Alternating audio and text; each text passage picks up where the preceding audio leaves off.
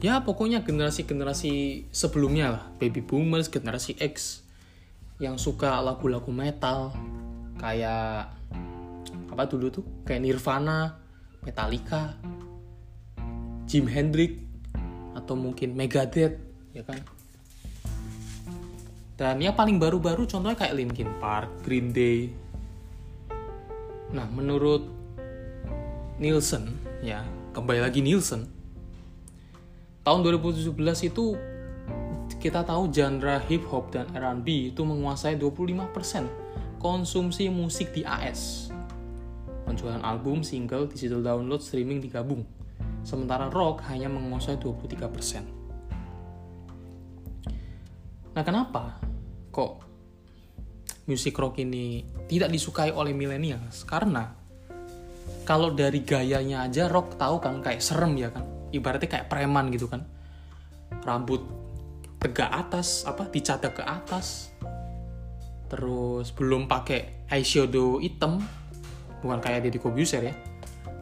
Ya kan biasanya kan kalau rock rock kan wah pakai eyeshadow hitam gitu kan. Terus belum kuku-kukunya panjang bajunya hitam-hitam semua celana hitam sepatu hitam.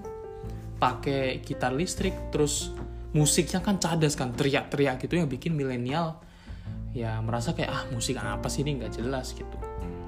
Beda sama pop atau mungkin hip hop atau R&B bedanya kan kalau hip hop atau R&B itu kan lebih ya lebih modern terus lebih swag swag lebih apa ya lebih keren lah istilahnya lebih modern apalagi ya lebih beda daripada musik rock dan lebih santai kan lebih chill nggak harus mengeluarkan suara-suara keras ya kan? Cuma kalau leader sih kalau rock paling suka Nirvana terus Green Day sama Linkin Park. Kalau rock sih sukanya itu doang. Bon Jovi nggak tahu ya Bon Jovi itu bisa dibilang rock atau enggak gitu.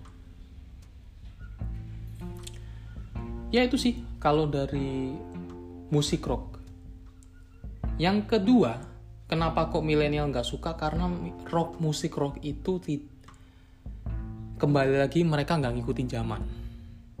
Dalam arti mereka tetap merasa bahwa oh ya musik rock tuh paling keren. Yang kedua ah musik rock tuh nggak akan bisa nyambung kayak hip hop atau R&B gitu. Tapi kalau dipikir-pikir kan kalau band kalian nih mau laku nih secara komersil mau nggak mau kan kalian harus at least bikin yang beda gitu lah biasanya kan kalian rock rock rock kalian ganti mungkin lebih ke pop atau mungkin kalian collab sama boyband boyband kalian juga punya ngeluarin sisi idealis kalian rock mereka ngeluarin sisi idealis mereka kayak pop atau hip hop kan lebih orang-orang kan lama-lama kan akan tertarik gitu. Dan itulah kenapa mungkin lebih tepatnya kenapa kok musik rock itu udah nggak relevan udah nggak laku sama milenial sekarang karena mereka nggak ngikutin zaman mereka nggak kolaborasi sama siapa pun dan bisa dilihat di sini dari statistik. Meskipun rock itu masih memimpin penjualan album fisik sampai 40%. Tapi lama-lama dari tahun ke tahun tuh album fisik terus merosot, merosot. Ketika kaum milenial kini semakin banyak mendengarkan musik via online streaming.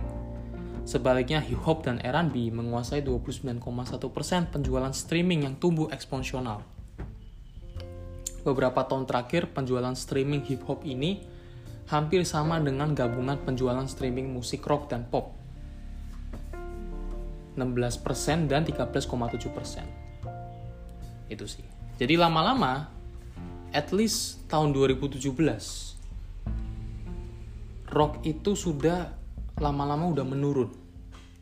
Sudah nggak lagi bertengger di urutan atas. Ini terutama di Amerika Serikat ya. Dan tahun 2017 top 10 album favorit AS dari 10-nya aja itu sudah nggak ada band rock lagi. Yang ke-10 itu Post Malone, yang ke-9 itu The Chainsmoker, yang ke-8 tuh Future, yang ke-7 ini nggak tahu mungkin artis lain, yang ke-6 tuh The Weeknd, yang kelima Migos, yang keempat Bruno Mars, yang ketiga Drake, yang kedua Ed Sheeran, yang pertama Kendrick Lamar. Sih, dari 10 penyanyi tadi nggak ada yang band rock sama sekali. Dan kenapa kok kira-kira identitas musik rock yang dari dulu tidak berubah? Itu tadi, karena instrumennya itu tetap dengan gitar listrik, terus musiknya itu mengenalkan kekuatan melodi dan lirik baik musik cadas maupun slow. Terus sosok pemusiknya macu dan sangar dengan rambut panjang dan tato di sekitar di sekujur tubuh. Kostum didominasi warna hitam sepatu boot dan aksesoris yang khas musik rock. Nah itu tadi ya, jadi karena mereka itu tetap idealis nih sama stylenya dan lama-lama udah nggak cocok sama niche buat generasi sekarang ya lama-lama grafiknya menurun Seperti kita tahu bahwa marketing lessonnya itu yaitu don't be resistant to change, be innovative, be agile, embrace the new things, always ready to enter for the new, but the whole new world with a great new opportunity. Itu dia. Jadi lakukan belajar hal baru, selalu siap untuk masukin memasuki ke seluruh dunia baru dengan opportunity yang bagus, yang baru juga. Nah, yang terakhir, sebelum kita selesai podcastnya kali ini, produk yang terakhir ini lama-lama juga cukup relevan sama kita-kita, yaitu yang akan hilang ke depannya. Oke, yang nggak akan kepake ke depannya, yaitu celebrity endorser. Kan bingung ya, celebrity. Bukannya celebrity itu lebih terkenal? It's. Kalian tahu nggak celebrity endorse ini yang dimaksud tuh celebrity endorse yang pada umumnya kayak TV, kayak artis-artis di TV, sinetron, atau penyanyi yang di TV biasanya atau aktor, aktris. Kayak contohnya di produk-produk di TV itu kan kebanyakan artis-artis bisa handle sampai 10 iklan. Nah kenapa kok mereka nggak nggak akan laku lagi? Karena artis-artis ini mereka ngambil brand untuk mengiklankan dengan pakai brandnya artis ini itu hanya kepentingan duit ya. Sebenarnya semua kepentingan duit. Tapi pada akhirnya kan mereka kan ngikut brandnya. Jadi misal nih leader nih artis misal. Oh amin amin amin. Leader misalnya artis gitu terus ada brand nih nawarin halo kak ini ada brand nih mau nggak uh, jadi bintang iklannya? Gitu. Oh mau gitu. Nah si kitanya sebagai artis itu kan cuma nurutin mereka.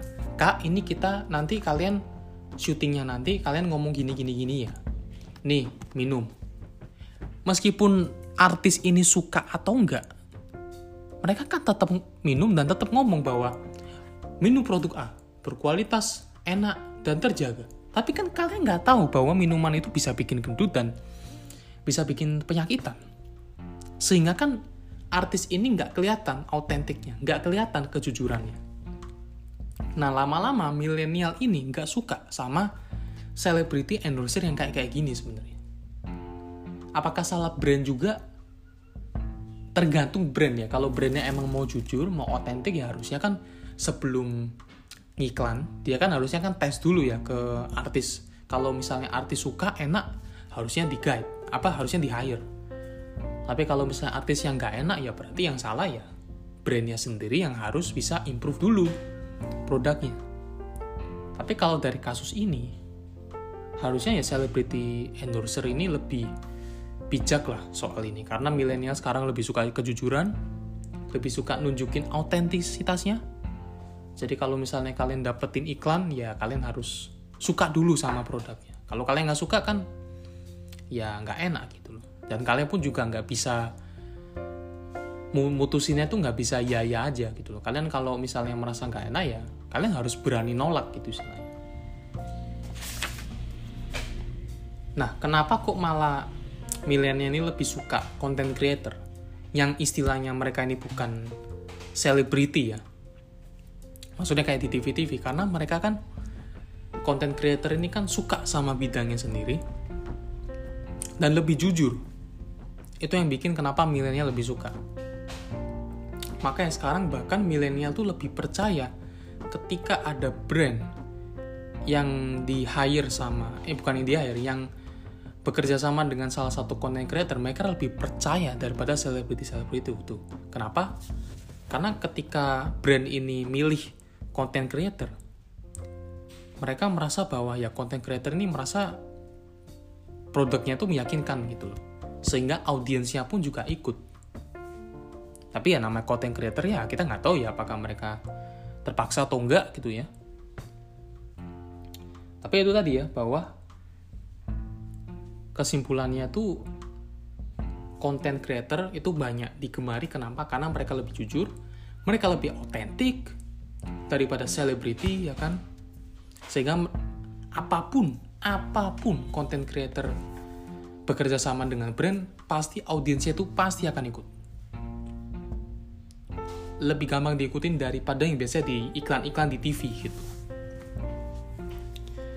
Dan seperti biasa, marketing lesson learn-nya di sini bahwa ketika media berkomunikasi masih bersifat satu arah, celebrity endorser tradisional bisa dengan mudah menyebarkan un unauthentic message kepada audiens. Namun ketika media sudah berubah menjadi dua arah, contoh kayak sosial media, pesan tak autentik pun kehilangan kredibilitas dan tak bakal dipercaya lagi oleh milenial gitu. Jadi makanya celebrity endorser tuh harus lebih jujur, terpercaya dan tulus. Jadi sekarang milenial lebih suka komunikasi dua arah dalam arti lebih terus digenjot engagementnya sama harus ditingkatkan lagi komunikasi sama fans-fansnya itu yang penting. Ya mungkin segini dulu penjelasan buat Millennial Kill Everything buat 5 produknya. Semoga kalian suka. Semoga kalau kalian punya atau kalian pingin jadi pengusaha, kalian bisa lihat atau kalian bisa dengerin 5 produk ini yang mungkin kalau kalian dari salah satu ini kalian mau bikin dan ternyata udah nggak relevan sama masa depan, ya kalian bisa adaptasi lah ke depannya gitu.